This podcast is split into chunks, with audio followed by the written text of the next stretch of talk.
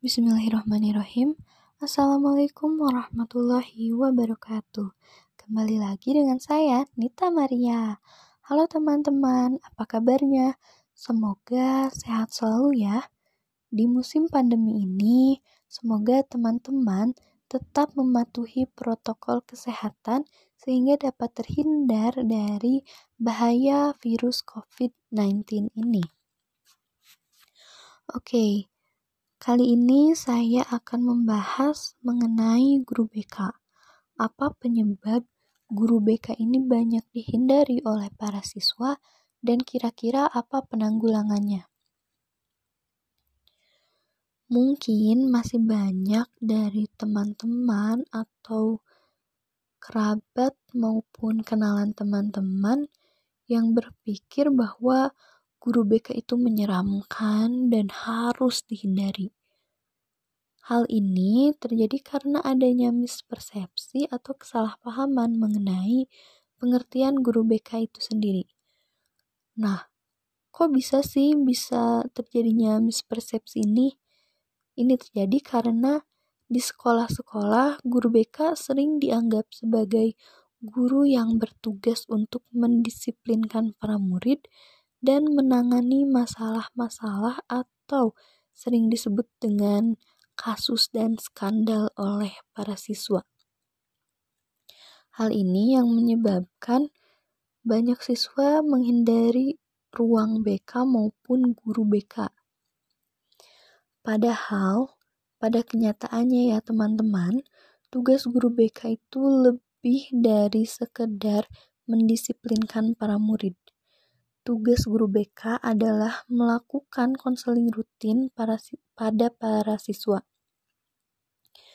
Kegiatan ini sering kali dilalaikan oleh beberapa guru BK yang ada di sekolah yang menyebabkan siswa semakin salah paham terhadap guru BK. Biasanya para siswa hanya mengunjungi ruang BK saat akan melanjutkan pendidikan ke jenjang yang lebih tinggi. Misalnya, murid SMP mengunjungi ruang BK atau memiliki keperluan dengan guru BK pada saat akan melanjutkan sekolah ke SMA ataupun siswa SMP SMA yang akan melanjutkan ke universitas atau biasanya siswa mengunjungi ruang BK atau bertemu dengan guru BK adalah saat mereka melakukan kesalahan. Mengapa hal ini bisa terjadi? Ini disebabkan oleh kurangnya SDM dan fasilitas baik sarana maupun prasarana konseling yang dimiliki oleh sekolah.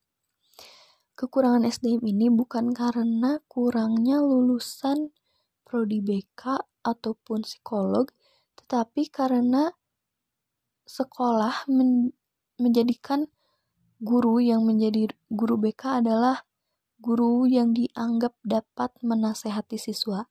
Karena masih banyak sekolah yang menganggap bahwa guru BK adalah guru yang bertugas untuk menasehati siswa sehingga siapa pun dapat menjadi guru BK.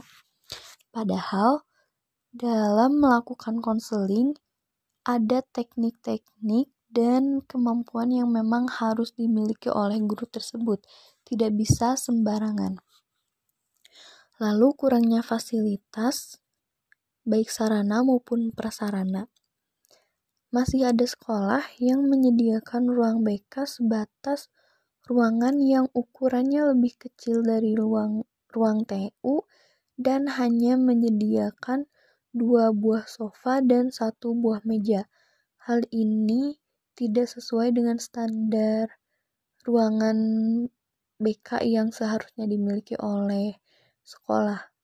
Dan ini menyebabkan para siswa menganggap ruang BK adalah ruang pesakitan yang wajib untuk dihindari. Nah, setelah tahu permasalahannya, sekarang mari kita bahas penanggulangannya.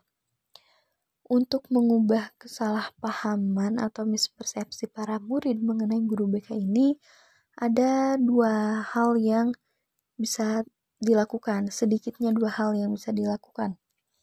Yang pertama adalah dengan merekrut guru BK yang memang lulusan prodi BK maupun psikolog.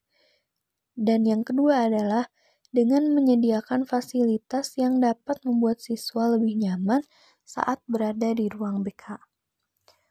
Mungkin sekian teman-teman perjumpaan kita kali ini. Mohon maaf atas kesalahan-kesalahan kata yang saya ucapkan. Terima kasih. Assalamualaikum warahmatullahi wabarakatuh.